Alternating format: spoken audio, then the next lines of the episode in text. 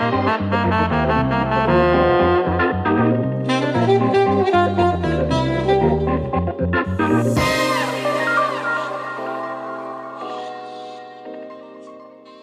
nå introdusere sånn eh, løst, eh, siden vi har gjest i dag. Det kan vi gjøre. Så i dag har vi Bård Standal. Han er eh, ja, tidligere, Du er aktiv, er det fortsatt i Høyre? Eller er det Ja da, jeg sitter i hovedstyret i Oslo Høyre. Ja, Oslo, Oslo, Oslo det. Så er du nestleder i Landsforeningen for tryggere ruspolitikk. Er Foreningen tryggere Forening for tryggere ruspolitikk. Det er ingen som klarer det navnet uansett. Nei. Og så Så er rusa det, hele gjengen, så vi får ikke med oss. og så er du vel en av de mest uh, tydelige sånn, debattanter og skribenter i Dagbladet og andre medier nå om dagen. Ja, Iallfall i Dagbladet, men det er det jo ingen som leser, da. Så Hvor er det helst du skriver? Nei da, Dagbladet er fint, det. Mm. Det er, eh, det er, en, det er en bra avis. Det var dagens reklame. Mm. Det var dagens reklame. Ja, men det har vært veldig hett i det siste. Det har vært mye som har skjedd. Og det virker som det har vært det er et visst momentum i hvert fall på rusfrontdebatten. Ja, det er det jo, det er det jo internasjonalt også. Altså, øh, denne debatten har gått ganske lenge øh, i veldig mange land. Eh, og så tok det en stund før det kom til Norge. Men når det kom til Norge, så kom det ganske hardt. Eh, litt av det har med at noen av oss bare satte oss ned og begynte å diskutere det. Uh, og litt av det har med at helseministeren plutselig begynte å sende signaler om at man skulle endre norsk politikk. Uh, Og Arbeiderpartiet fulgte på sånn at du fikk en uh, ja, fikk et på en måte godkjentstempel på det nasjonalt politisk også. Men det er jo over hele verden. For de som så De, de som er litt sånn hakket mer politisk nerdete enn normalt, sånn som for eksempel meg, så jo konfirmasjonshøringen til eh, eh, nye amerikanske justisministeren i Senatet i natt. Eh, og det hamret og hamret og hamret løs. Jeg tror ti senatorer var oppe og skjelte han ut for eh, at han ikke ville legalisere marihuana. Er det her han som sa at det ikke er noen gode mennesker som røyker marihuana? There Det var sånn no type? good people smoking yeah. marijuana. Det var det han sa Det var det han sa rett etter at han sa at I liked the KKK before I found out that they smoked weed. eh, noe han ble altså konfrontert med av Elizabeth Warren, som brukte det utsagnet som begrunnelse for at hun ikke kunne stemme for bekreftelsen av han.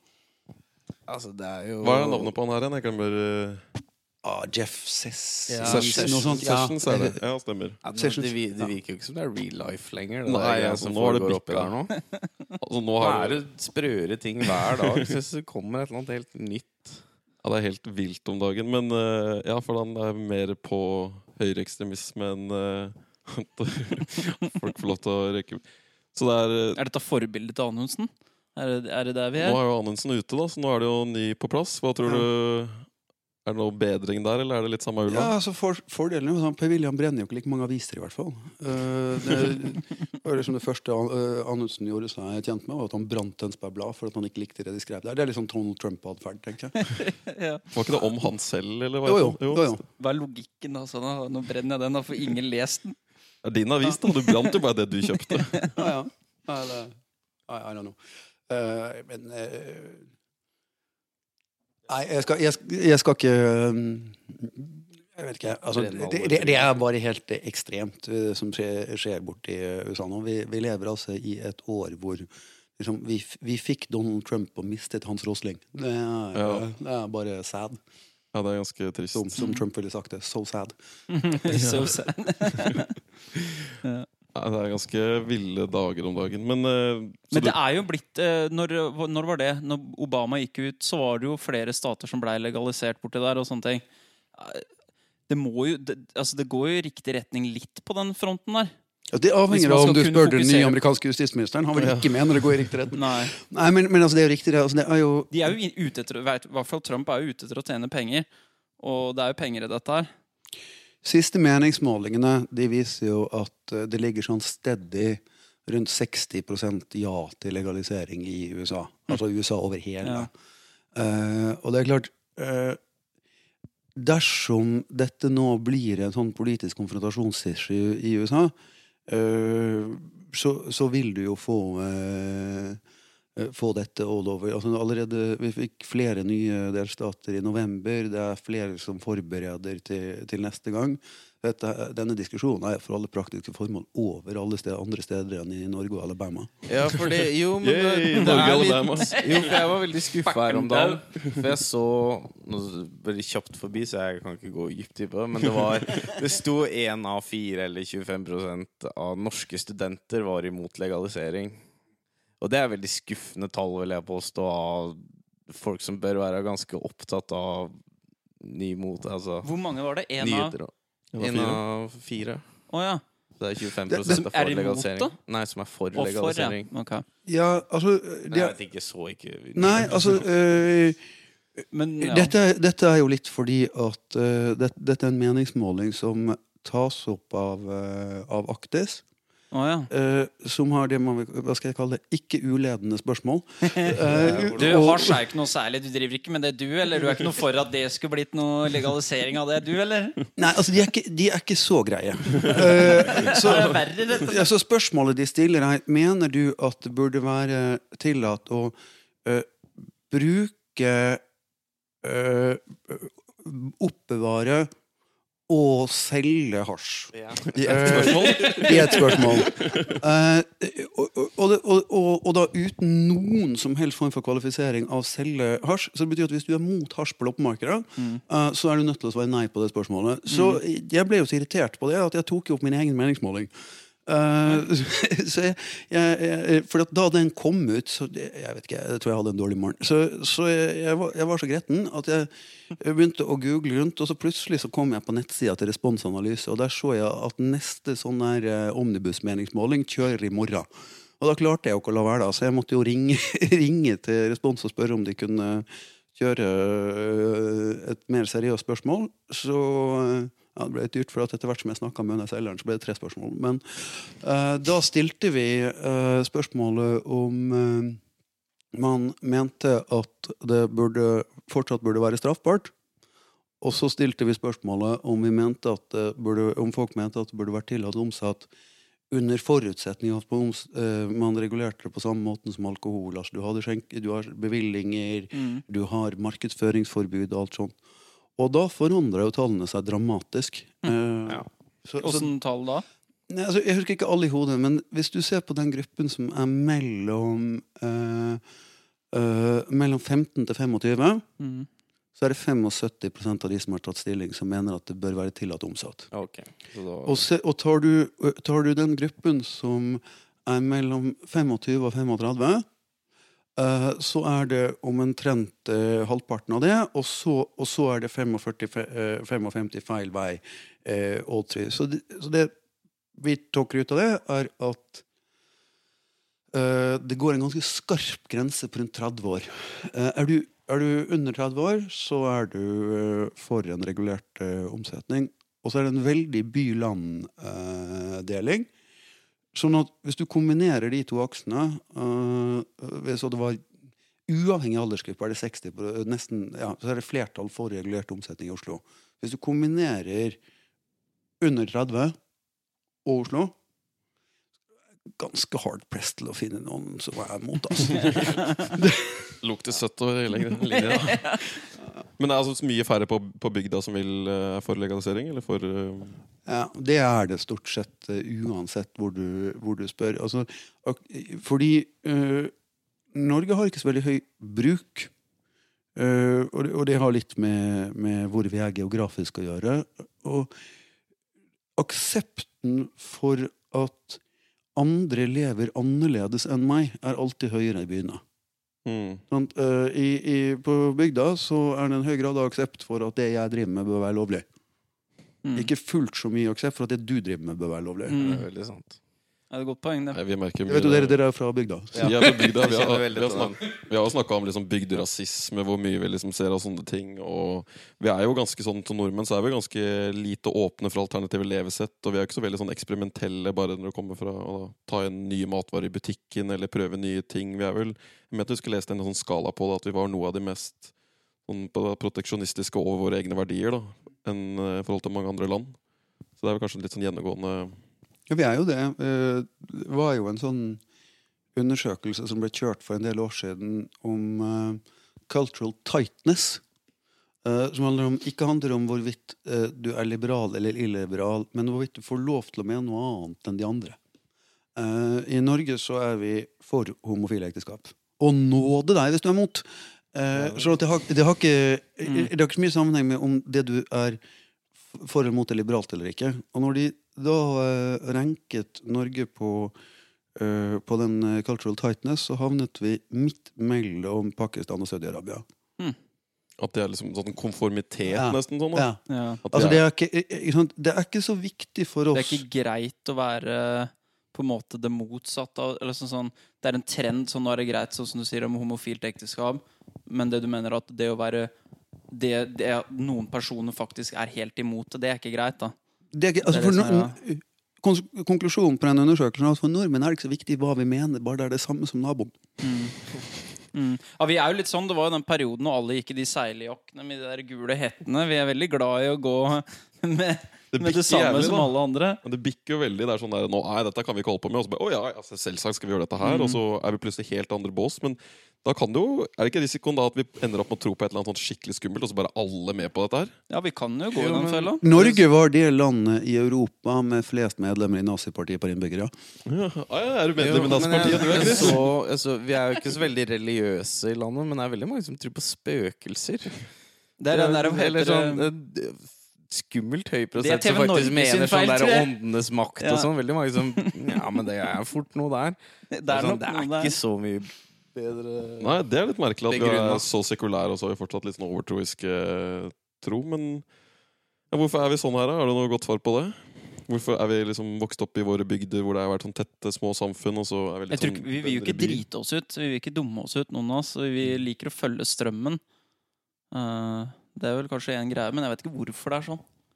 Men jeg tror det er et poeng med, med det du sier på uh, altså, Norge er et spedbygd land øh, med små bygdøy.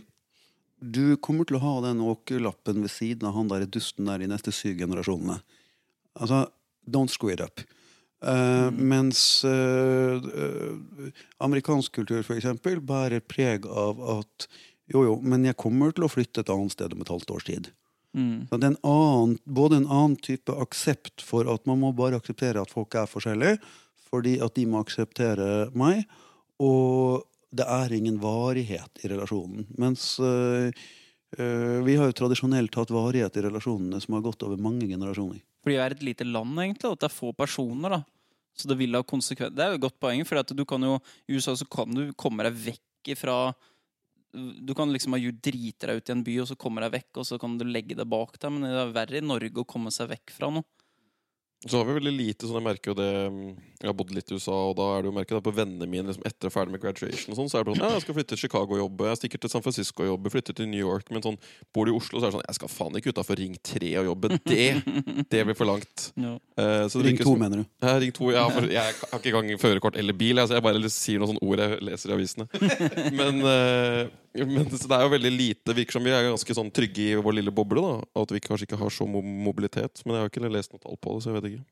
Nei, men det er, no, det er nok noe med det. Og så er det litt i endring, da. Altså, og, det, og det er jo litt av uh, det er jo litt av grunnen til at eh, du ser denne her forskjellen mellom by og land. Fordi at uh, impulsene folk har, uh, har fått i seg, og nødvendigvis, det er jo ikke bare i Norge, det er jo overalt. Altså, jo, jo mer urbant, jo mer har du reist, jo mer har du opplevd andre ting. Men så tror jeg altså det er noe forskjell. Altså, jeg, merket det veldig for noen få år siden. Jeg skulle ansette en sånn trainee på jobb. Uh, og da fikk jeg 2500 søknader, som man får når det er på sånne trainee-greier. kommer deisen inn. Og, og så begynte jeg å bla gjennom en del av de CV-ene og eh, tenke tilbake til da jeg gikk på studiet. Samtlige hadde vært minst et år ute. Uh, de hadde liksom vært flere steder. De hadde, altså, en helt annen grad av internasjonalisering på uh, de som er liksom uh, 25 minus nå, og, og hvordan det var bare for noen få år siden. Så det er et eller annet som endrer seg kraftig. Vi lever jo Jeg tror at det har med at vi lever på internett nå, den generasjonen som kommer her nå. Og det er, vi føler, jeg føler meg mye mer del av, liksom den, av verden enn jeg føler meg av Norge. Jeg leser Ja. om eller engelsk bøker Jeg og hører alt jo det det strengt går i. talt mer engelsk i løpet av dagen enn norsk. Ja, det gjør jeg I den situasjonen som student. uh, Bare Ja, sånn alt du ser på serier og show når du kommer hjem, det er jo ikke NRK. Du flipper jo opp Netflix eller eh, et eller annet sånn dagsaktuelt show, liksom, og leser artikler fra USA. Jeg er nesten sånn at jeg leser ikke norske ting, jeg, for jeg syns det virker eh, Det er for tett på, det virker for lite Nei, det her kan ikke stemme, altså. Kan Det her rømme, kan ikke stemme. kan ikke rømme hvis det er for ille. Da, for da bor jeg faktisk her. Rune skriver det her. Det kan ikke stemme. Men Netflix tror jeg også har ganske mye å si. Der, for Du ser bare hvor liberale de er. Sånn forhold til, altså, det er jo sikkert en halvt dusin marihuana-dokumentarer Ja, det er og mye der, altså. psykadeliske dokumentarer. Altså, det er jo, har jo ganske mye å si for de som Vi kommer var litt i forkant av Netflix, men de som vokser opp nå, har jo sikkert det som primærkilde for veldig mange. Nei, altså, jeg tror på en måte Det har noe å si at California er California, at det tilfeldigvis eller ikke tilfeldigvis At det slett ikke tilfeldigvis er California som er uh, the home of entertainment. Altså, ja, men jeg tenker på Hollywood og altså, he, hele dette altså, Det er en veldig liberal strømning i hele vestkysten. Mm. Uh, og, og det sprer seg. Altså, de som har bare sett den Silicon Valley-serien, for Den eksempel. Ikke sant? Altså, eh, hvor det, ting presenteres på en helt annen måte enn det de gjorde for, for en del år siden. Det er som eh, Ting er bare morsomt. Det er en naturlig del av, uh, av life. Det er liksom ikke sånn der å være ung er for jævlig, liksom. Det Mm. er uh, Ja. veldig langt med sånn 'Å, faen, jeg fikser ikke Pelle'. Jeg fikser ikke Pelle. Det er en stund Mm. siden. Ja, det er sant. altså Du ser på østkysten, så er det New York. En typisk New Yorker er mye mer sånn derre sinna, sånn derre ja. Sånn Bill Burr-type. ikke sant? Sånn sånn, er Boston og Fucking sånn. sånn, sånn. Weather, alt er gærent, liksom. Og så på vestkysten så er det bare, «Ah, it's all cool, man». Men liksom sånn, der er det jo mer cannabis, og cannabis er jo et kreativt glidemiddel. Altså sånn For alt du driver med, av om det er musikk, eller om du skal finne på det nye teknologiske, så, så er Altså sånn For å, å bruke det Jeg synes det, det kommer veldig mye ut av det. Jeg, det jeg kan se for meg at Ja, det, er det jo mange som har ulike syn på. da Altså fordi det kommer jo an på hvordan du bruker det, men hvis du bruker det Altså selvfølgelig Hvis du går rundt og er høy hele tida, og så kan det numre deg litt ned, og sånne ting. Mm. Men å bruke det som et verktøy, det tror jeg er eh, Ja. Jeg, jeg syns det funker, Ser du noe positive? Altså, sånn, for det er jo veldig mange som nå Som støtter litt den legalisering av kriminaliseringsretninga. Som fortsatt liksom vil unngå å si veldig mye om positive effekter av det. Og veldig mye sånn bare for å dempe de negative, litt den overdrevelsen av negative effekter. Men det er jo tross alt noen positive effekter å ute visse stoffer da, til Altså, det kan Ja. jo Medisinsk Men jeg mener at dette her har, har forandret seg ganske kraftig. Altså, jeg, har, Ja.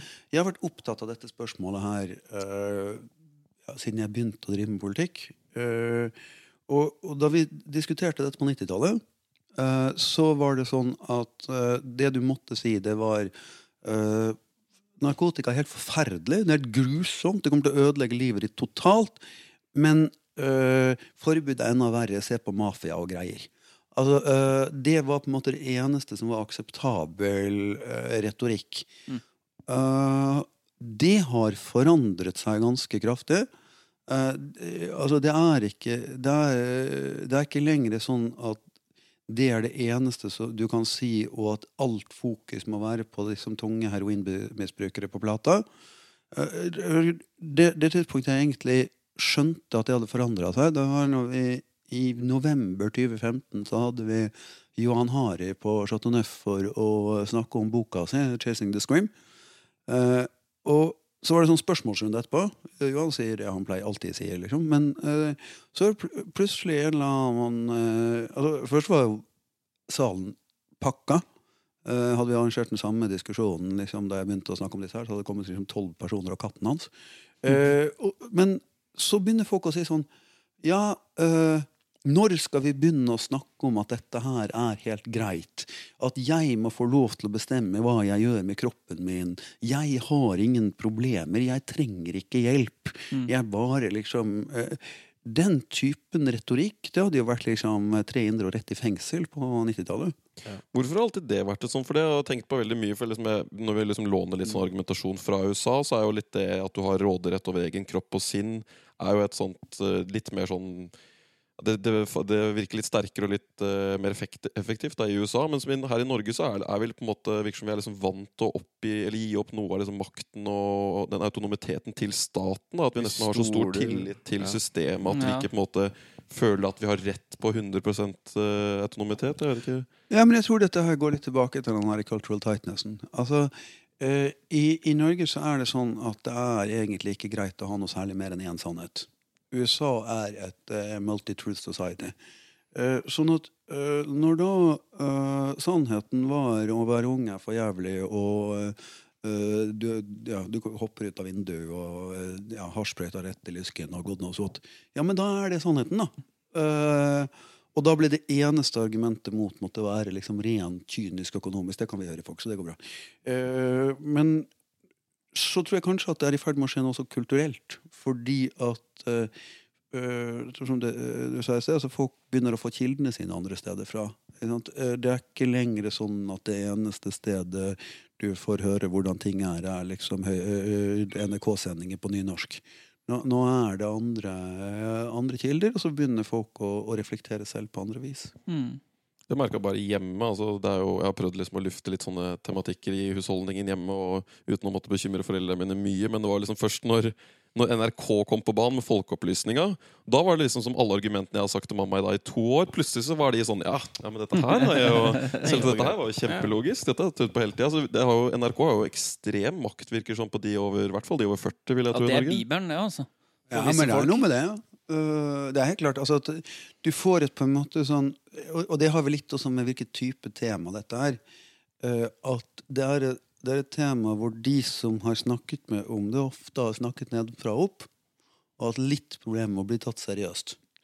Uh, og, og, det er jo litt av grunnen til at jeg gidder å bruke tid på det også. At jeg tror det er litt fornuftig at det er litt middelaldrende menn med høyt hår, fest og dress som snakker litt om sånne ting. Fordi øh, øh, vi får en, et, et, et, annet publikum på noen ting, og NRK får et annet publikum på noen ting. Det, ja, det er vel viktig. Ja, det er en høyere mann øh, litt oppi åra blir jo tatt vesentlig mer seriøst enn en ung hippie.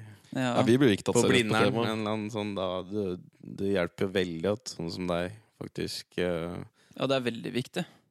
Ja, det er At um, Av alle generasjoner. At folk tør å snakke ut. I hvert fall de som har Men altså, ja. ja for hvis du faktisk bare følger det vitenskapen sier, da, så er det vanskelig å komme til den konklusjonen at det systemet vi har nå, funker. Akkurat, nå veit ikke jeg akkurat hva som er kanskje den beste modellen videre. Jeg heller mot legalisering. Uh, for, og kunne selge og hele pakka? I hvert fall for marihuana og psykadelika. Ja. Hovedsakelig. Og så eventuelt annen modell for heroin, kokain. Jeg vet ikke helt akkurat, men hva tenker men, du om det? Forskjellige stoffer. Alt må jo avkriminaliseres, tenker jeg i hvert fall. Ja, ja altså, det, det, altså øh, Hvis jeg nå fikk en sånn øh, idé om at øh, Nå skal jeg rett og slett gå hjem og skal spise et halvt kilo asbest. Mm. Ja. Mm. Så, er jo mange grunner til å tro at jeg ikke liksom hadde vært sunt. Det er ingen som putter meg i fengsel av den grunn. Altså, uh, det, dette at vi kriminaliserer uh, problematferd med egen kropp, er helt absurd. Så det, det, måte, tror jeg, og det, det, tror jeg etter hvert nå på en måte alle, bortsett fra Hadia Tajik, forstår. Uh, når vi kommer til selve liksom, reguleringsmodellen, så jeg løper jo ikke rundt og mener at alle skal få lov til å selge asbest til gud og hvermann. Selv om jeg ikke mener at du skal havne i fengsel for å, for å bruke det. Eh, nå må man gå inn og se på hvert enkelt, uh, hvert enkelt rusmiddel og faremomentene med hvert enkelt. Altså, uh, cannabis er greit. Altså, det, det, er liksom, det er ca. halvparten så farlig, kanskje litt mindre enn halvparten så farlig som alkohol. Det er ikke spesielt avhengighetsskapende. Det, er mye mindre sannsynlighet for at det utløser psykose enn det alkohol gjør, selv om det kan være psykoseutløsende. Det alt det der. Men øh, så Det syns jeg ikke er så vanskelig. Det er bare å finne en eller annen modell av à la Vinmonopolet eller noe sånt. Uh, Psykedelika, kokain, den type ting, det begynner å bli mer vanskelige diskusjoner. Psykedelika syns jeg er mest vanskelig, fordi uh, det jo er rimelig skadelig. Uh, det er uh, i alle fall de klassiske psykedelikaene som psilocybin, LSD, uh, meskalin og sånn. Det er jo for alle praktiske formål sunt. men gir midlertidig sinnsforvirring i, i, relativt små doser.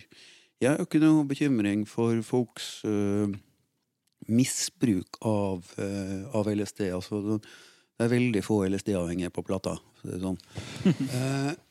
men det skal ikke mer enn fire lapper i drinken min før den russegjengen i halvfylla har hatt det jækla gøy. så, så den, det er mer hvordan får vi trygghet rundt uh, uh, uforutsette, konkrete sånn negative opplevelser for folk.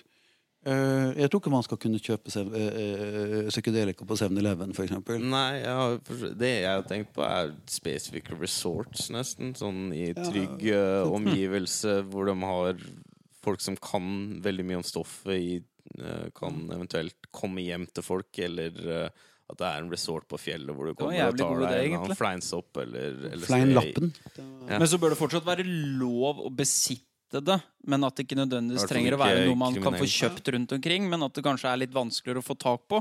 Så du må i hvert fall vite at hvis du, ha, altså hvis du vil ha det, så, så, er du litt investert i det, at det ikke er bare noe du røsker med deg. Jeg synes det, altså, synes jeg det, det, altså det, det, er flere som snakker om den resort. Ja, jeg syns den også er litt vanskelig. For det er veldig vanskelig for meg å komme opp med noen som helst etisk god begrunnelse for hvorfor jeg skal nekte deg å uh, ta 100 mikrogram syre i ditt eget hjem. Altså det, det, det, jeg, jeg, jeg, snakket litt med Ole Martin Moen om dette, her, uh, som er filosof på Universitetet i Oslo. Uh, og vi gjorde et stunt sammen for å prøve å finne en eneste filosof internasjonalt som hadde klart å komme opp med en, en god måte, etisk begrunnelse for kriminalisering av bruk. Mm. Uh, det var umulig. Altså, det, fan, det, finnes ikke noen som har klart å få, å få til det. Så, så, det må være lov. Uh, og så må vi klare å unngå at folk får veldig ubehagelige opplevelser. Og så uh, må vi unngå den der uh, russegjengen fra Drammen som løper rundt og putter syrelapper i drinkene til folk. Mm. Det er ikke ja, det. Er men er det veldig tilgjengelig òg, da, så blir det jo så er det jo sånn at hvis det, hvis det sto liksom sånn rett ved, ved siden av tyggisen, liksom, så lå det LSD, liksom. Så er det sånn Æh, skulle dratt med en i dag, da. Så kanskje ikke med LSD, men sånn hadde det vært med cannabis. I hvert fall Sånn at det, det, er et lite element av hvor tilgjengelig det er. Og selvfølgelig skal det være tilgjengelig, men det trenger ikke å være sånn supertilgjengelig heller. Sånn, jeg har jo argumentert for at cannabis bør være supertilgjengelig. Du mener det? Ja, altså i en kortere, eh, kortere Men det, periode. Altså, supertilgjengelig er jo er det jeg snakker om nå. Tilgjengelig er kanskje mer eh, sånne coffeeshops, dispensers? Nei, nei, jeg er på supertilgjengelig. Oh, ja.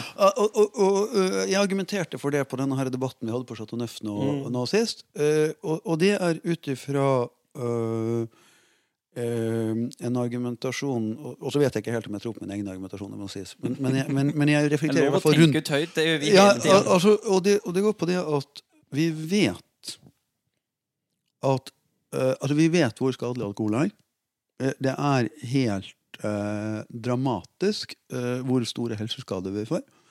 Eh, det, er, det, det, det, dør tusenvis av mennesker eh, av alkoholrelaterte skader.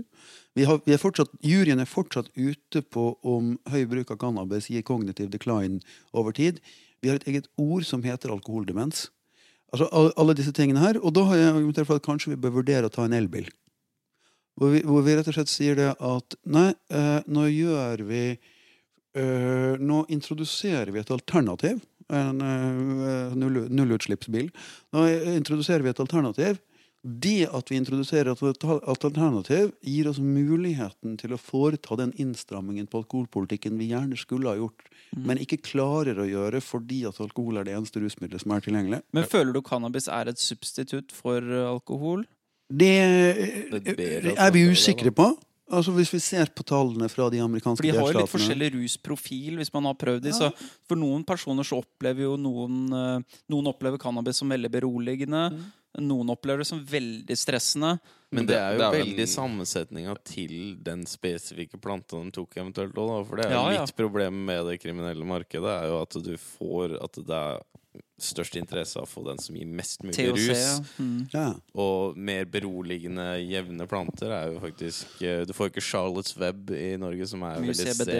CBD um, rik plante. Da, Men en, en, viss substitusjonseffekt vil du ha. Altså, hvis du ja. ser på, I hvert fall de amerikanske tallene viser jo at uh, når cannabisbruken øker, så selvrapporterer i hvert fall ikke folk at de drikker så veldig mye samtidig. Ja. Litt, Ja, det, kanskje? det er et godt poeng. Litt Altså, hvis kanskje, du har røyka litt, så, så er det ikke plass til mye mer. Nei, altså, jeg vet ikke sikkert sånn. hvor mye rør jeg kan. kanskje, men jeg Men, eh, nei, så, så, jeg tenk, så jeg argumenterte for det. At liksom, nei, nei, da, kjør ølen, øl inn på polet, forby sprit. Ja, eh, du mener, for det føler jeg Da blir jo det på lik linje som man uh, har gjort det vanskelig altså, sånn, Jeg føler at man skulle bare fått det inn på butikker òg. At folk får velge som de vil. Altså I hvert fall med øl og, vi, Eller vin. i hvert fall. Jeg skjønner i hvert fall ikke hvorfor det er på polet. Nei, altså, jeg altså, det, jeg, jeg, altså, Vin er på polet fordi at det ikke er nok omsetning til sprit. sånn at, ja, okay. Men, men altså eh, nei, men det, Dette er kanskje min indre sosialdemokrat her. Altså, jeg tror jo at politikk virker. Så Hvis man hadde kjørt en variant hvor man hadde sagt at nei, vi putter øl, vi putter øl på polet, vi øker alkoholprisene, samtidig som vi kjører hasj på Rema, uh, slik at uh, hvis du Altså, du får tak i alkoholen din, det er ikke noe problem, det, men det er litt effort. Eh, og så, når vi eventuelt har klart å snu rusbruken til noe som vi vet er veldig, veldig veldig mye mindre skadelig, ja, så kan vi kanskje eh, begynne å justere igjen. Det er jo egentlig akkurat det samme som vi gjør på elbil. Men jeg, jeg tror Altså, vi har så høye alkoholpriser, og det har ikke påvirka oss nok. ja, men fordi vi er en at vi er villige til å betale så vanvittig mye for det der. Fordi at vi men det er vel så kanskje det at du trenger et slags substitutt. da At Ja. mennesker trenger et eller annet å erstatte den derre For nå, nå, nå gjør vi det økonomiske spillet i et uh, ett rusmiddelscenario, Mm. i, i realiteten. Mm. Og da blir det sånn at det, det vi er bekymret for på økningen av alkoholprisene, det er lekkasje til smugling og hjemmebrent. Mens, mens her eh, he, Hele dette spillet endrer seg hvis du bevisst innfører en lekkasje du ønsker.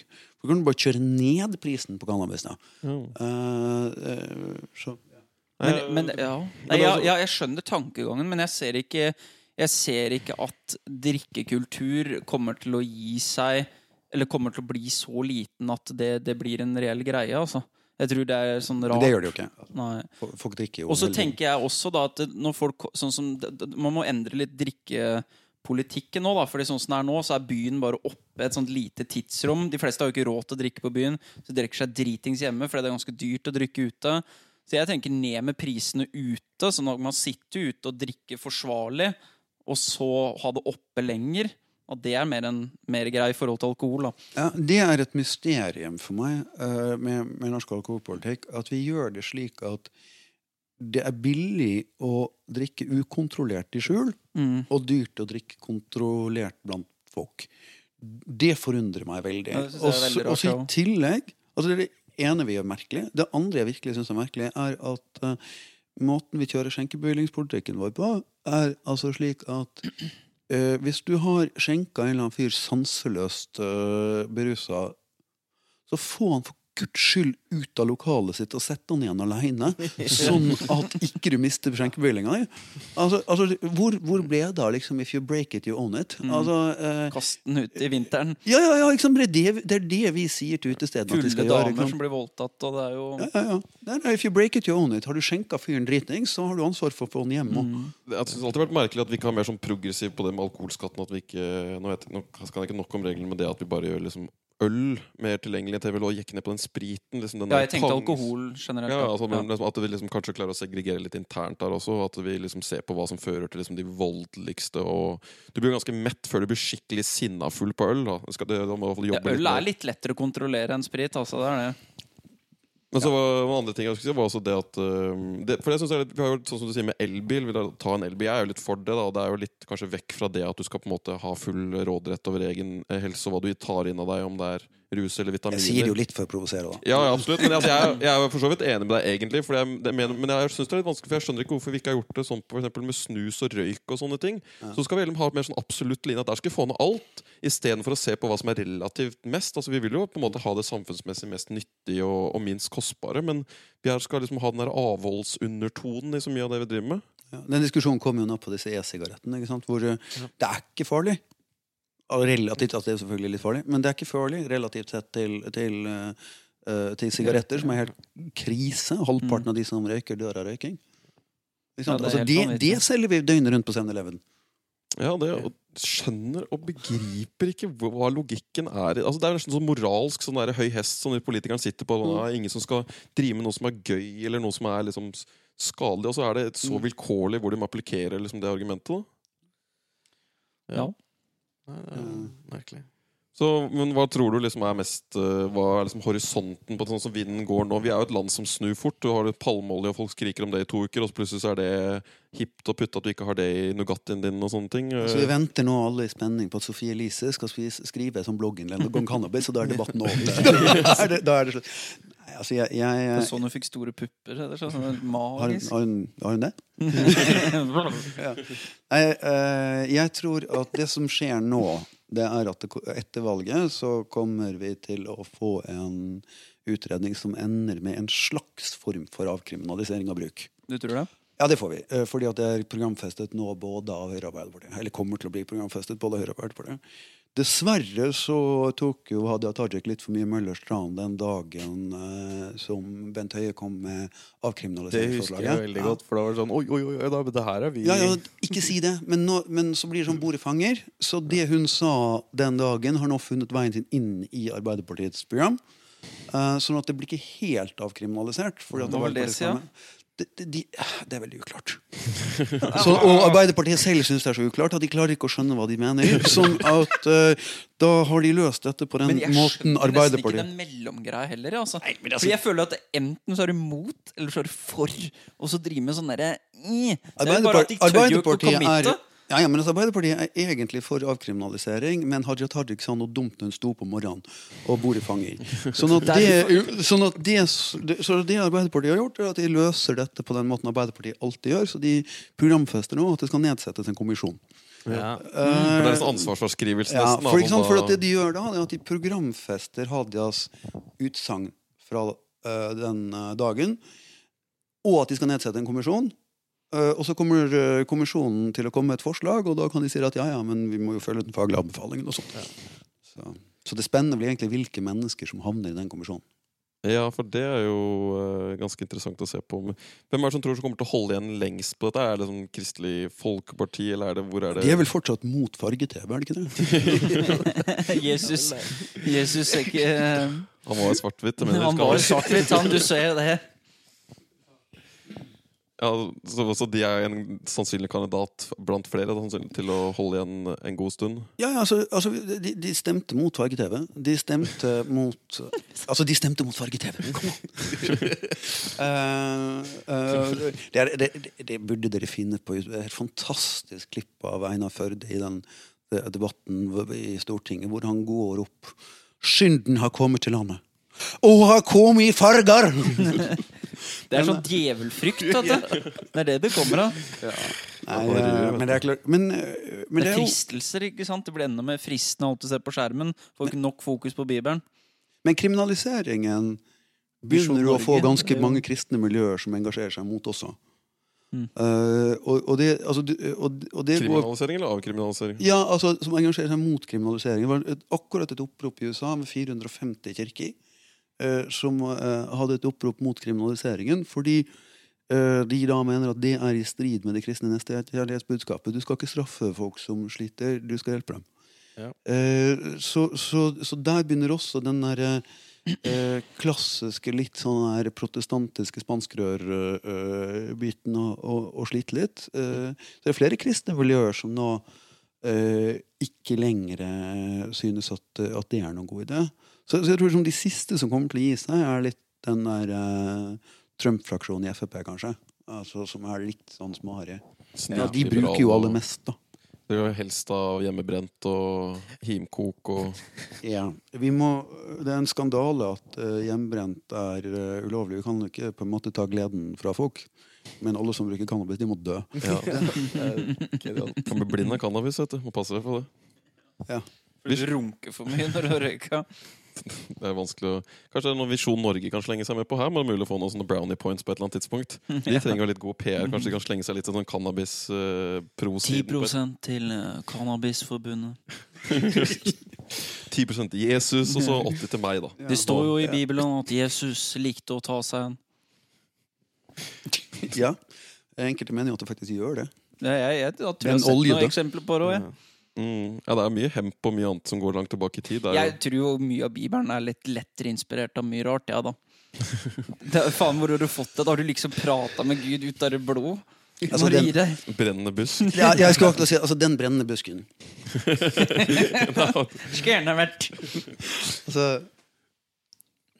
Ja. i, i, i, i, i, altså det er, eh, man, skal, man, man skal jo ikke på en måte offentlig innrømme eh, bruk og sånn, men den brennende busken, den har vi alle sett. Ja, jeg, jeg, det er noen eksempler på noe greier der. Ja, vi har vel innrømt litt forskjellig her. Sånn, vi er litt sånn usikre på, på hva som eventuelt er følgende av sånt, men uh, vi har jo Det er jo bare å si at vi liker å skryte. Ja. Og tøyser og tuller. Litt sånn Men nå- for det var jo Du snakka litt om at det er um, litt sånn Begynner å bli mer stuereint. da. Det er liksom, ja, Emma Sofia er jo blitt en ganske god Ja. stor aktør, men det er jo fortsatt veldig få som tør å komme og snakke ut om liksom positive opplevelser. Altså I USA så har du mye komikere, du har mye forskjellige sånn som kommer fram. Ja, det er jo ikke så mye offentlig i Norge. men, men, men i Norge er, altså Norge er et av veldig få land hvor selve bruken er straffbar. ja. Eh, Det er veldig spesielt. Altså det, er Norge, det er slik i Norge, det er slik i Sverige, det er slik i Russland. Eh, Det er veldig få andre land. I veldig mange land så er besittelse Ja. straffbart selv om uh, hensikten kun er egen bruk. Men i Norge er selve bruken straffbar. Så ved å innrømme bruk, så har du innrømmet en straffbar handling. Det er ganske sånn skummel Folk skal bare Må, nå måtte han ut på do og ta seg et trekk, tror jeg. Skal ut og ruse seg, sannsynligvis. Vi har sånne blå UV-lys der, så du tror ikke det blir noe. Du finner ikke blodårene dine. Det var så mye Ja, heroin her. Men vi kan jo snakke litt oss imellom. Det her er jo Det her er jævlig interessant. Det er gøy å se en, en som er litt eldre og liksom mer involvert i det mer sånn tradisjonelle politiske. Dele de meningene som vi har, som vi liksom Ja, han kan formulere veldig bra. Han har liksom s- mye science til back backe det. Og det er kult å se at det er noen sånne folk. Det er gøy å se litt sånn historisk kontekst på ting. Altså, for vi har jo på en måte bare fått med oss hva som har skjedd de siste kanskje tre, fire, fem, seks Det er bare åra. Liksom. det er ikke noe mer vi har Så vi vært har, i det. vi har, vi har ikke snøring hvordan politiske miljø har vært, eller stemninga har vært. Norsk politisk historie kan jeg så vanvittig lite om. Det frister omtrent like mye som sånn lokal geografi for meg. Altså, jeg orker liksom ikke å lese. ikke Og så er det kult at han kommer for... hit òg, da. Sånn der, det er jo Jeg, veit ikke jeg har, eh, liksom, Det er kult at, eh, at politikere sjekker ut disse nye mediene, sånn podkast og sånne ting. Ja, Så sånn ikke er bare på Dagsnytt 18 og hvor de bare. Hvor du får liksom her får prate i fri form.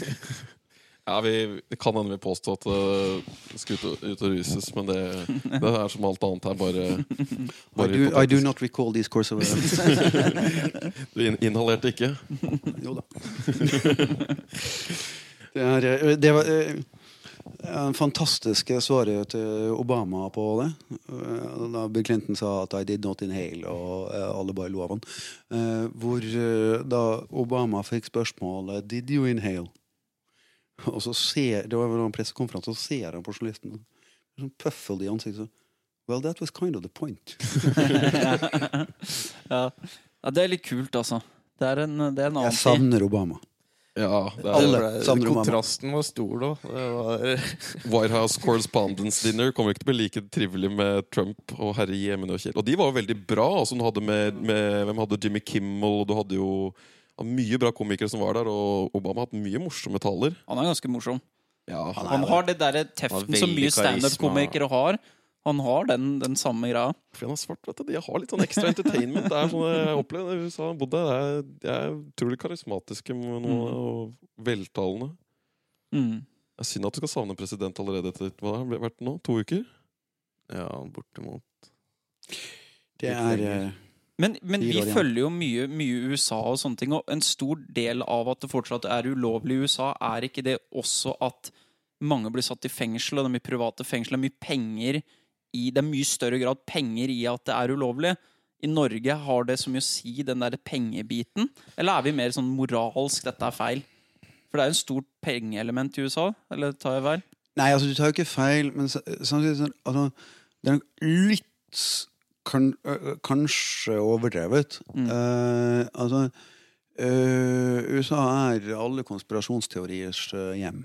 Mm. Eh, det, sånn, det som Altså hele den på en måte massefengslingsbølgen som eh, skjedde i USA, eh, er i, Altså om det, det er nok i mindre grad et resultat av eh, private fengsler eh, enn et resultat av relativt store eh, sosiale problemer på slutten av 80-tallet eh, og begynnelsen av 90-tallet. eh, og så Og Bill Clinton. Altså alt er jo Bill Clinton sjøl.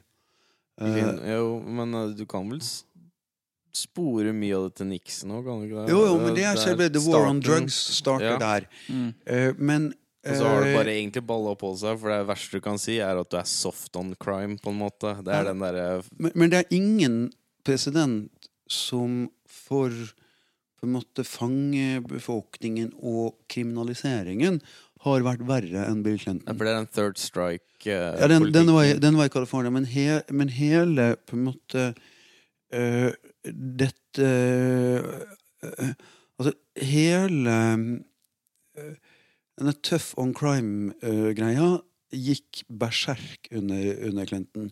Du fikk mer enn en femdobling av antall i fengsel.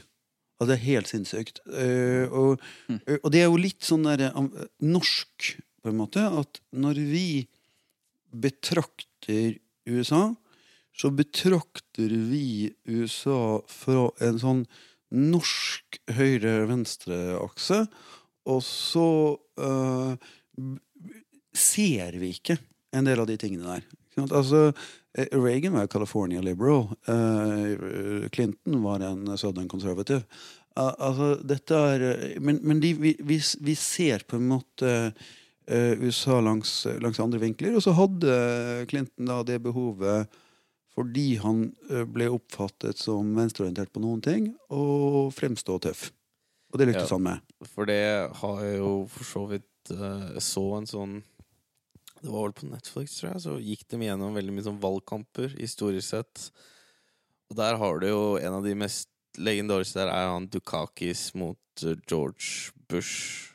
Hvor du, de da eh, på en måte tar fram da en, en eller annen som det var en politikk hvor du fikk liksom weekend passes, hvor du kunne dra hjem og sånne ting. Og så var det en som hadde drept noen på en sånn en. Og det senka jo basically hele. Hele Altså, rett etter det kom ut, og de viste det bildet av en svart mann som hadde drept uh, noen folk. Så Ja, og bare kjørte den TV-reklamen på det. Ja. Altså, jeg, jeg tror bare sånn halvveis på at det var det som senka Dukakis. Okay. Alle de av oss som har sett det bildet av Dukakis med den hjelmen på Det hjalp ikke. Altså, seriously, liksom! Det var så ille! Ja, det var, det var ikke bra. Han kjørte sånn tanks, eh, og så for sånn photo op, og så hadde han en sånn forferdelig Han så så dum ut i den hjelmen, da. Og så var det ingen som bare Vi kan ikke ha han som president. Bare se på en Altså, look at this picture. Det, du, kan ikke, du kan ikke stemme på det her var vel, det var vel for å respondere på Bush, som hadde vært liksom pilot, og som satt ganske kul i et sånt der jagerfly, da. Så skal Dukakis komme i en tanks, og så så det ut som det Altså, så dum ut. Litt sånn, var det ikke baris, og det var ikke sånn Putin-ri på en sånn Nei, sånn ja, det var vel ikke like ille. Men, uh, Men, eh, men sånn, sånn forhold til USA sånn, og Det er jo litt lovene vi har, og vi tror liksom at å, Norge er jo, vi er jo autonome og ikke med i EU. og sånne ting Men hvor mye av disse lovene er det egentlig vi bare har arva i en, og en forstand og bare på en måte håndhever At vi på en måte bare prøver å pleie litt sånn internasjonale forhold om å, å, å overholde oss til liksom, internasjonale konvensjoner og, og regler? Ja, altså ruspolitisk, tenker du? Ja, Ja, nei, altså øh, Jeg tror nok at øh, gjelder, Når det gjelder ruspolitikk nå, så er jo vi øh, blant den konservative land, eller har, har vært. Sant? Vi, vi blir litt sånn der at øh, vennene våre er liksom Iran og Filippinene. Uh, og, og, og, det er liksom my, my, my, my friends, liksom. Uh, så, så tror jeg det kommer, er i ferd med å endre seg. Men, uh, og at vi eh, Det er kanskje eh, en av grunnene til at vi ser endringer av den typen som når Bent Høie går ut og sier at nå må vi justere politikken her. Jeg tror ikke det er fordi han var så fryktelig imponert over argumentene mine. Det er sånn Det begynner å bli ubehagelig eh, å være Norge internasjonalt som har en veldig veldig god track record på menneskerettigheter på nesten alt. Og så er vi wrong crowd på ett eneste issue. Mm. Og, og, og, her, eh, her, og, og det issue er i ferd med å komme liksom nærm, eh, lenger og lenger opp på agendaen. Altså, eh, når Colombias president kommer og tar imot fredsprisen, så egner han fem minutter av talen sin til drug policy. Eh, Det er da hovedtema i konfirmasjonen i senatet her. Du har Mexicos president, eh, Canada legaliserer. Og vi blir liksom mer og mer på the wrong side of history. Ja. Jeg tror det har en større effekt. Og du snak, og reiser rundt internasjonalt og møter eh, land, så eh, blir det sånn Ja, eh, der kommer de fra Norge igjen, ja. Willy Pedersen beskrev at han hadde vært på en sånn europeisk eh, konferanse. Han er rusforsker, ikke sant? ja, han er russforsker. Eh, Blant annet. Han, han, han, han forsker for mye, men blant annet han skrevet en del bøker om, om cannabisbruk og forska en del på rus. Og han eh, var på en, eh, en konferanse i jeg husker ikke hvilket land det var, men det var en europeisk konferanse, hvor da han bare beskriver hvordan interessen blant deltakerne blir synlig borte, og folk begynner liksom å sjekke mail og sånt i det øyeblikket de skandinaviske landene skal snakke. For det er liksom ikke der det skjer lenger. Nei. Og, og Nor- Norge er ikke vant til det. Eh, og det er ikke så veldig mange år tilbake før det var annerledes. Og så, eh, så skifter vi posisjon internasjonalt, eh, og nå skal plutselig Norge lede ved FNs narkotikakonvensjon. Begynner å skje, eh, skje ting. Så, det partiet hvor jeg er medlem, i det utkastet som står der til partiprogram for de neste fire årene det sånn, det aller viktigste ruspolitisk som står der, er egentlig ikke at det står at eh, vi vil avkriminalisere bruk, selv om det er fint og flott og bra og alt det der.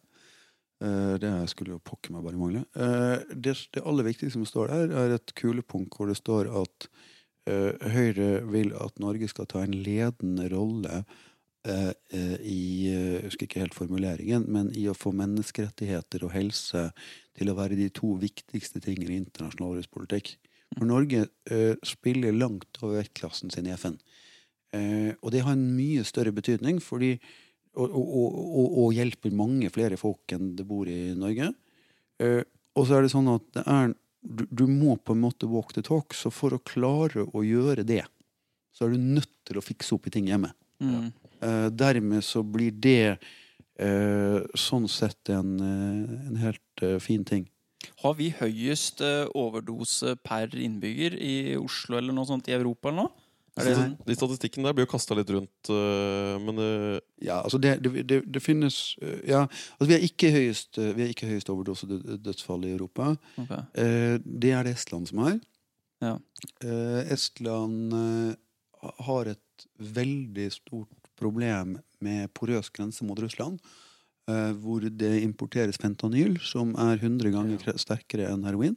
Mm. Eh, og nesten alle dødsfallene i Estland, som ligger sånn type dobbelt av oss eh, per innbygger, eh, de er De er i den russiske minoriteten. Så det er fattige russere som doper seg på billig syntetisk heroin. Men vi er oppe der, er vi ikke det? Eller tar vi feil òg? Uh, vi, har, vi har stort sett ligget på og veksla med Sverige på hvem av oss som er på andre, og hvem som er på tredjeplass etter Estland det er jo, I Europa. i Europa. det er jo helt utrolig. Skal ikke være på Det er ikke, det skal ikke, sånn skal det jo ikke være Vi er jo ikke det så på noe annet. Omtrent så dårlig med de ressursene vi har og mulighetene, så er jo det horribelt. Men det er ganske interessant som du sier at vi på en måte har på grunn av kanskje at vi har Nobels fredspris og at vi har liksom internasjonalt rykte på oss for å være diplomatisk og liksom forkjempe for alt mulig, så har vi på en måte kanskje malt oss litt inn i et hjørne nå. Da, at vi har innsett at vi faktisk må gjøre noe med dette på hjemmebane for å kunne beholde den posisjonen internasjonalt. Og det virker som et ganske mektig virkemiddel for at ting skal skje. Ja, altså det tror jeg det er. Jeg tror det viktigste stedet du kan skrive artikler om ille norsk ruspolitikk for å påvirke hva som skjer i Norge nå, det er Huffington Post. Ja. Altså, fordi nå blir det litt sånn at eh, det som skjer eh, når Norge begynner å bli avhengig av at, for å holde menneskerettighetstroverdigheten sin, at vi også på dette området er progressive. For vi er progressive på alt annet. Norge er egentlig et veldig bra land internasjonalt på nesten alle områder. Eh, så dette må vi bare fikse. Eh, så du kan fortsette. Og du kan klage så mye du vil i på en måte Dagbladet og, og, og sånn. Og det er nok fint for bearbeidningen av norsk opinion. Men det at folk i UD syns det er jækla ubehagelig å sitte på det møtet, er kanskje enda viktigere. Mm. Ja, det er et godt poeng. At det, for det blir litt sånn der preaching to the choir kanskje på et eller annet tidspunkt i mye disse frem og tilbake-debattene. Altså, det er noen selvsagt nye som leser det, men det er jo kanskje de som er interessert i temaet, kanskje støtter eller er veldig imot eventuelt å legge igjen noen ugrammatisk korrekte setninger på bunnen i et eller annet innlegg. Og at det kanskje ikke nødvendigvis fører til noe særlig mer press på de på toppen.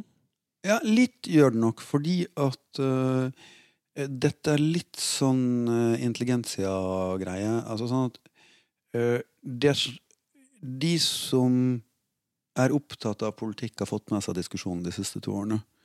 Uh, og, og, og vi får noen voldsomme lesertall. Altså, jeg, jeg, den, jeg skrev en, øh, en artikkel i Dagbladet etter Folkeopplysningen om uh, uh, Aktis og alternative fakta. Uh, så den. Var veldig bra. ja. Den var veldig bra artikkel, faktisk. Og det, som- den eh, hadde altså rundt 60 000 eh, lesere på den artikkelen.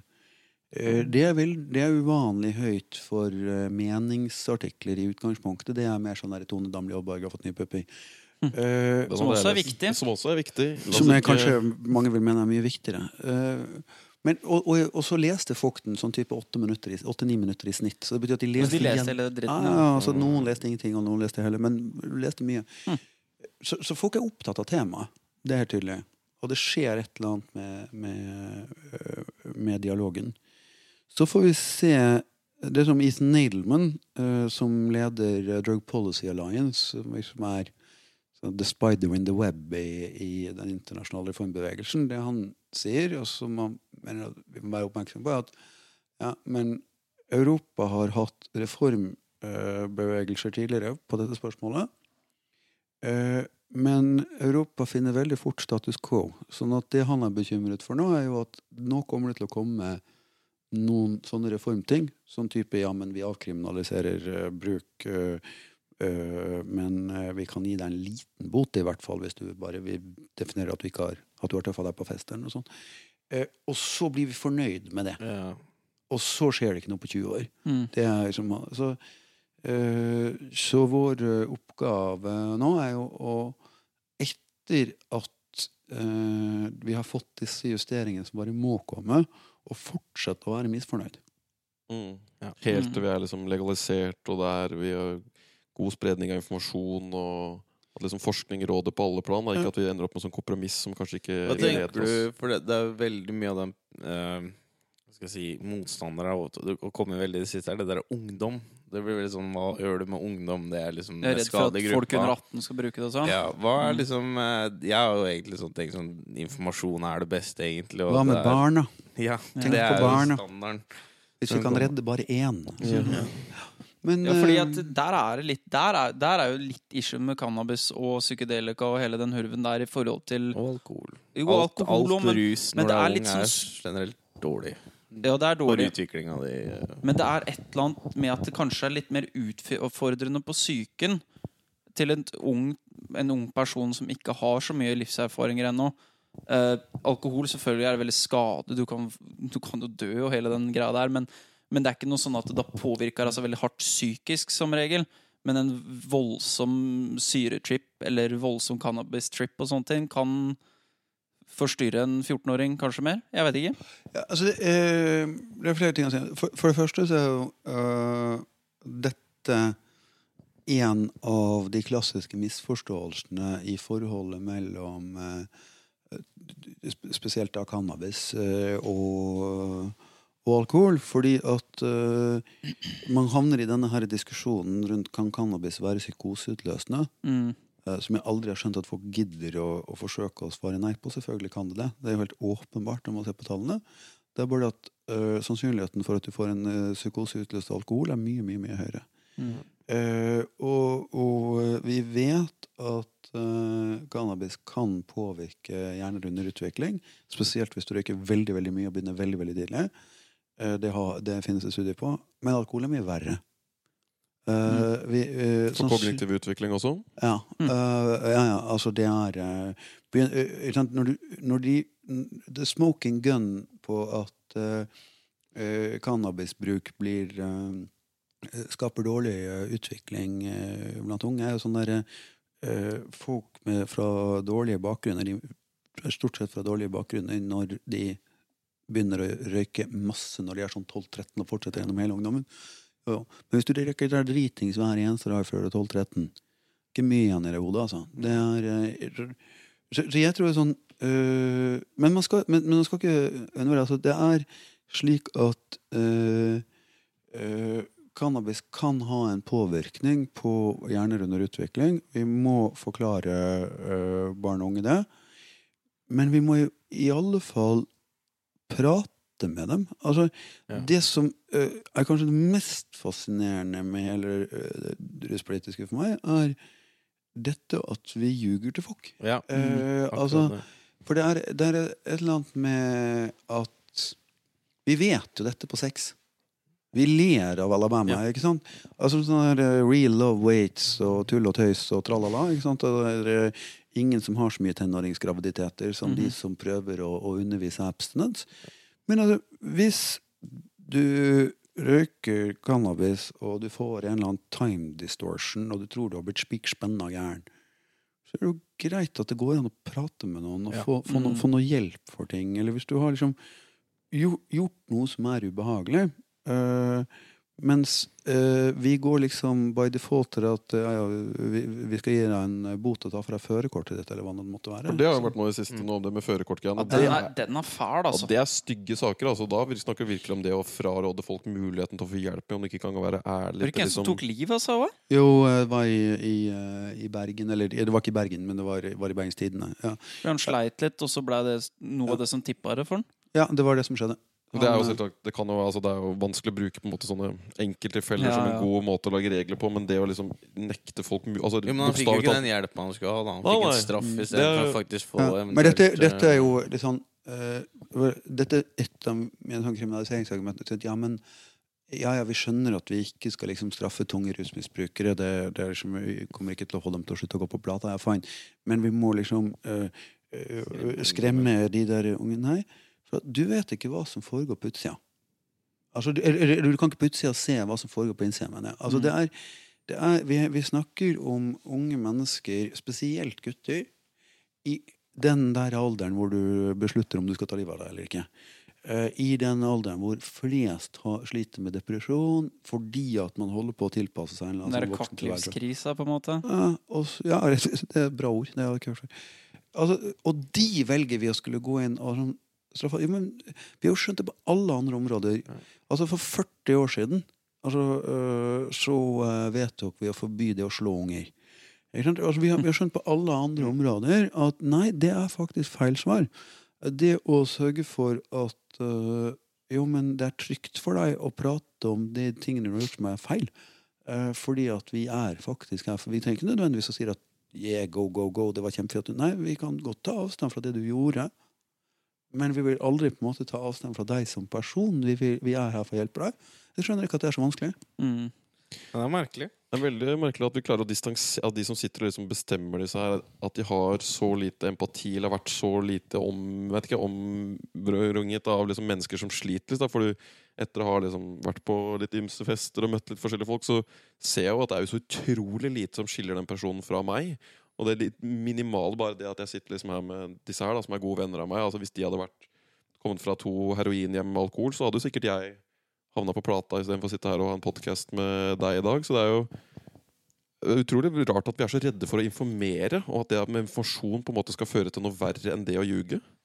Ja, det er veldig og så tror jeg Men jeg, jeg tror kanskje at øh, Jeg tror en del mennesker fortsatt henger fast i denne her øh, helt merkverdige teorien om the drugs that hijack your brain.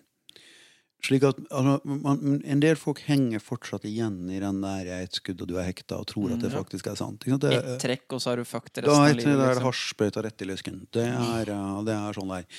Og, og det er faktisk altså, Det er en av de tingene som har dratt meg til dette området og diskusjonen rundt det. Vi vet at det ikke er sant, og vi vet hva som er sant. Og det som er sant, er ikke noe hyggelig. Fordi uh, det ble gjort en veldig stor studie som heter uh, Adverse Childhood, uh, Childhood Outcomes. som Nei, unnskyld. Adverse Childhood Experiences. Som, som er gigantisk og undersøker tusenvis av mennesker. Og ser på hva effekten av seksuelt misbruk som barn, effekten av å bli slått som barn, effekten av å, å vokse opp i fattigdom, ikke få mat Alle de der virkelig på en måte dårlige tingene du blir satt som som barn. Men ok, skårer du et par punkter på den skalaen som du utviklet, seks til åtte ganger høyere sannsynlighet for å bli rusmisbruker når du blir voksen.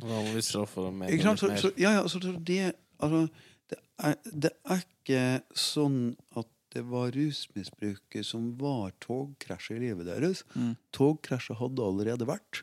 Det er jo bare en forsøk på å prøve å medisinere seg sjøl.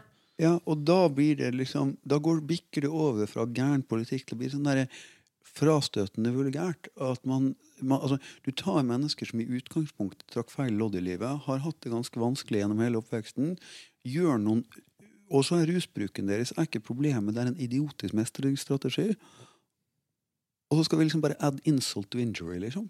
Det er veldig, veldig rart. Vi har jo skjønt det så godt på sånn, altså, jeg husker ikke hva det heter på norsk, sånn recidivism rate, altså tilbakefall i fengsel. Der er vi jo utrolig progressive, og mange land ser jo på er de har jo flatskjerm og bo på øy og gro gulrøtter, men der har vi jo skjønt at det hjelper liksom ikke å straffe de som Mm. allerede er nede, men det er jo jævlig paradoks da, at vi ikke overfører den kunnskapen på, på dette temaet her.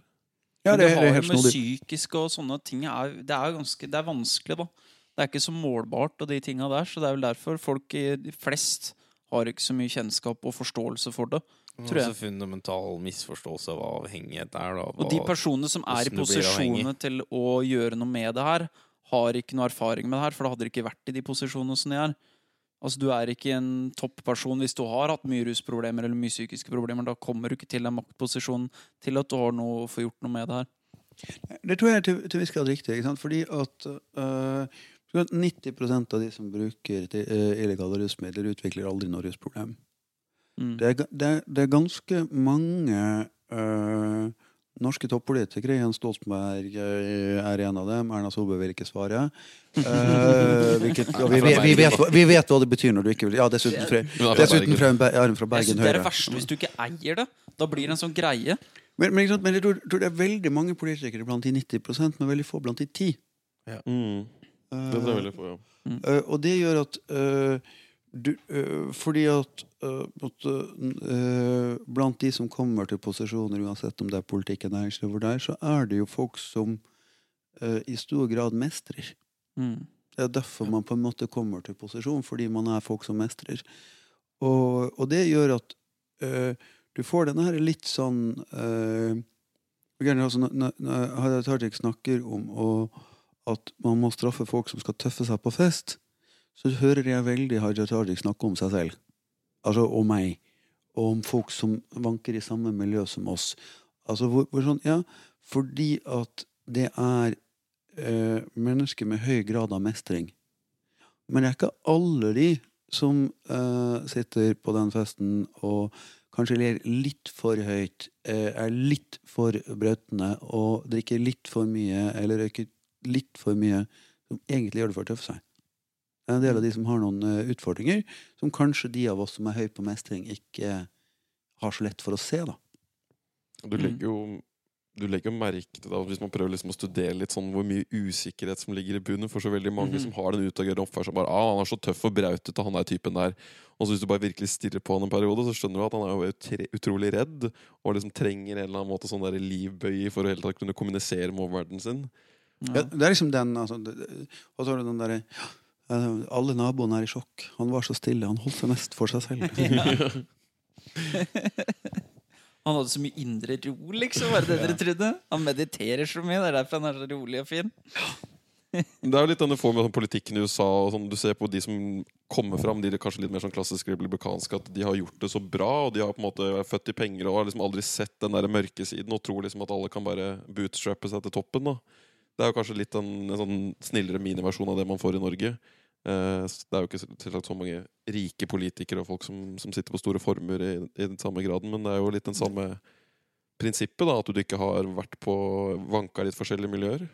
Ja, og så, altså, Man har kanskje vanka i forskjellige miljøer, men selv om du hopper fra miljø til miljø, eh, så er det jo likevel deg selv. Og, og jeg tror sånn at eh, For å, å komme seg til, til høye posisjoner, så har du veldig mange mennesker med høy grad av mestring. Og da tror man at alle, altså På seg selv så, så kjenner man ingen andre, men man tror at man gjør det. Mm. Ja, du tror alle tar bachelorgrad når du er på bachelorgrad? Liksom, Ja, men jeg tror det. Altså, eh, og, og ja, den refleksjonen rundt det for noen år siden for det er jo sånn, Egentlig så er ungdomsskolen For dere er jo også fra bygda, sånn som meg. Uh, gikk på ungdomsskolen i Tromsø. Og eh, i uh, Tromsø er akkurat så liten som by at når du går på ungdomsskolen i Tromsø, så har du et tverrsnitt av innbyggerne på skolen igjen. ikke sant? Eh, mens i Oslo så er det jo ikke sånn, for det er så veldig geografisk hvor, hvor du bor. og sånn. Eh, og, så tenk, og så begynner du på, på videregående, og så tenker du ikke noe over at halvparten falt fra.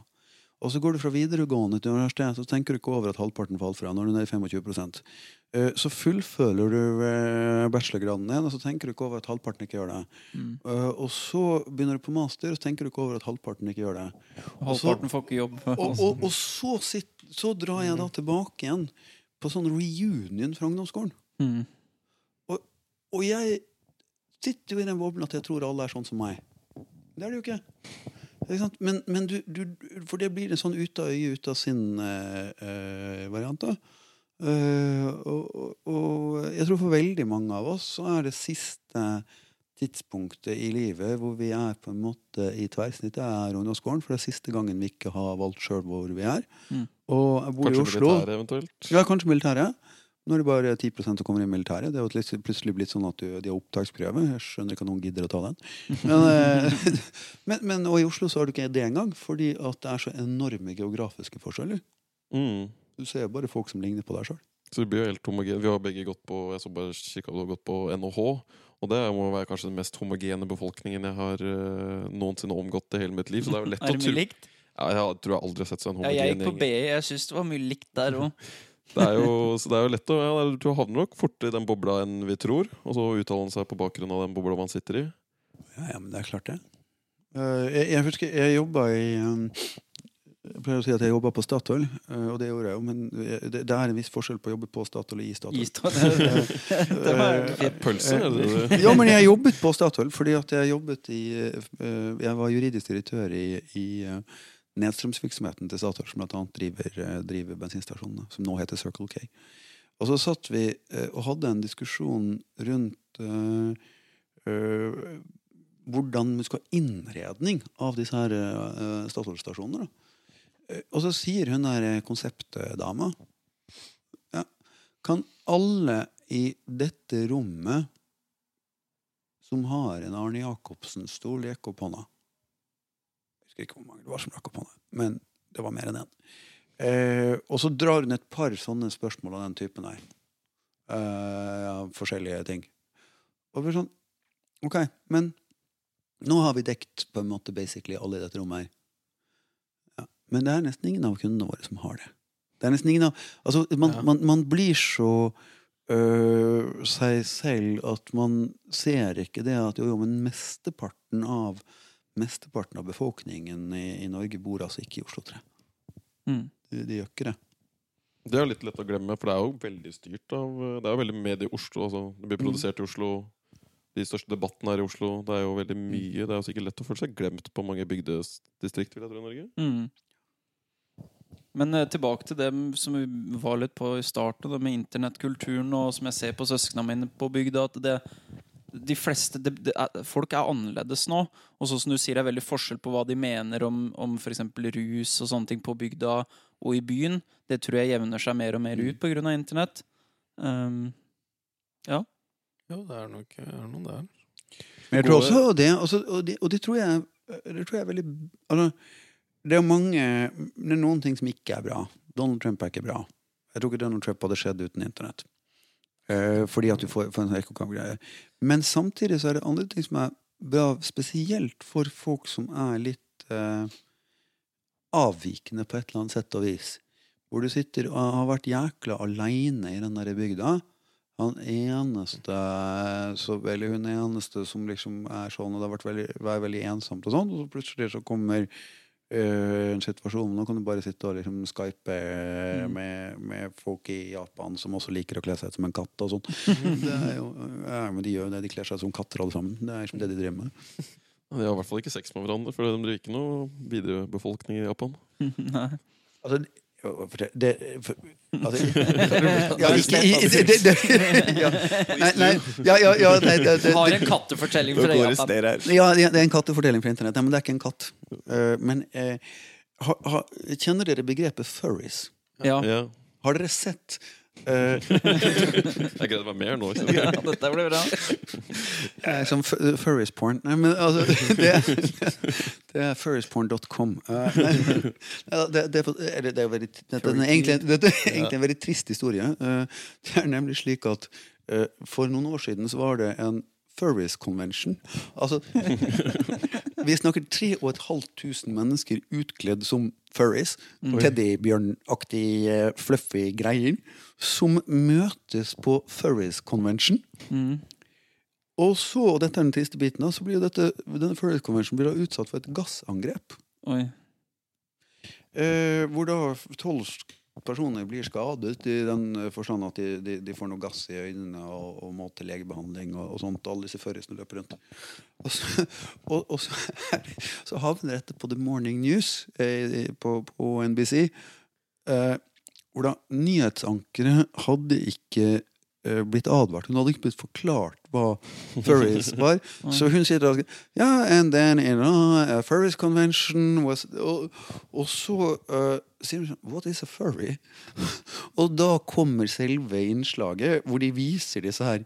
Og så kommer de tilbake igjen, og da løper hun hals over hodet ut av studio. Fordi hun bare har knokket sammen i latter. Ja. ja, det er en spesiell gjeng. Furries, ass. Ja, det er folka sine. Og det er klart, hvis du, hvis du tidlig, liksom, Hvis du var furries på Kongsberg, da, øh, og det var liksom deg Du var den ene furryen på Kongsberg. Da er det godt å kunne skype med en på Kongsvinger. Ja, sikkert sunt. det Både for mennesker og dyr på Kongsberg som vil satse for litt sånn ufrivillig furry-virksomhet. Det er, øh, Nei, men eh, Skal vi ta oss og runde av der? Ja, det var fint. Tusen takk for at du, du kom. Jeg var veldig Jeg lærte masse. Jeg tror det var mange andre som gjorde det òg. Har du noen plugs hvor hvis folk vil lese noe du har skrevet, eller finne ut mer hvor du, hva du driver med og sånn? Er det noe du kan sjekke på nett? Hørte rykter om en bok, men jeg vet ikke hvor eh, Ja, det, tar, det er nok en stund til. Uh, jeg, jeg driver og klatter litt på en, uh, en bok rundt akkurat dette med hvordan holdningen til en del av disse rusmidlene har forandret seg. Uh, som, som handler om egentlig den overgangen fra å være folkefiende til både rekreasjon og, og medisin, som, som tar utgangspunkt i cannabis, og derfor heter det grønne skiftet. Uh, men jeg, det er nok et liten stund til den kommer ut. Og foreløpig det jeg skriver, det kan man jo hovedsakelig lese i, i, i Dagbladet. Det tar litt tid, for jeg skriver litt langt. sånn. Ja, men den Dere- uh, hasjtoga var en lang og fin artikkel. Så Du har ikke tenkt å gjøre blogg eller noe? At det med sånn ha den egen uh... Er det mye gjennom Dagbladet Egen sånn som det er nå, eller? Ja, nei, altså det kunne jeg jo sikkert ha gjort. Uh, det, det er liksom uh, jeg, jeg, jeg tror det greie med, med å skrive for Dagbladet som jeg gjør, eller for den nettavisen sin tilsvarende variant som en del andre gjør, er at øh, jeg skriver jo når jeg tilfeldigvis skulle hatt tid den dagen. Sånn at jeg har på en måte ingen regelmessighet i noe oppdatering. Det gjør hvis, du, at, eh, hvis du putter det på en egen sånn blogg, så, så eh, går folk inn der så ser de at det er liksom to og en halv måned siden forrige oppdatering. Så kommer de aldri tilbake. Ja, det er sikkert ganske mye jobb. Og så får faktisk folk lest det når det kommer i Dagbladet. Ja, ja. Det, det, det, det er jo Også en fordel. Det tar litt tid å bygge opp egen, egen Ja. plattform. ja. Nei, men Det er mye bra på Facebook, Twitter og Dagbladet. Um, og så Ja, får bare se hvor det bærer. Hva er Twitter-handle? eh, ikke det sånn de gjør på sånn podcaster? da? Ja, eh, B. Standal, men, men jeg, det er alt altså, jeg, jeg klarer ikke å være på Twitter 140 tegn. Det går ikke for meg. så det er stort sett, retweets. tweet, Link til lengre artikkel. Ja, ikke sant? Nei, men det er strålende. Takk, eh, takk for nå. Ha det.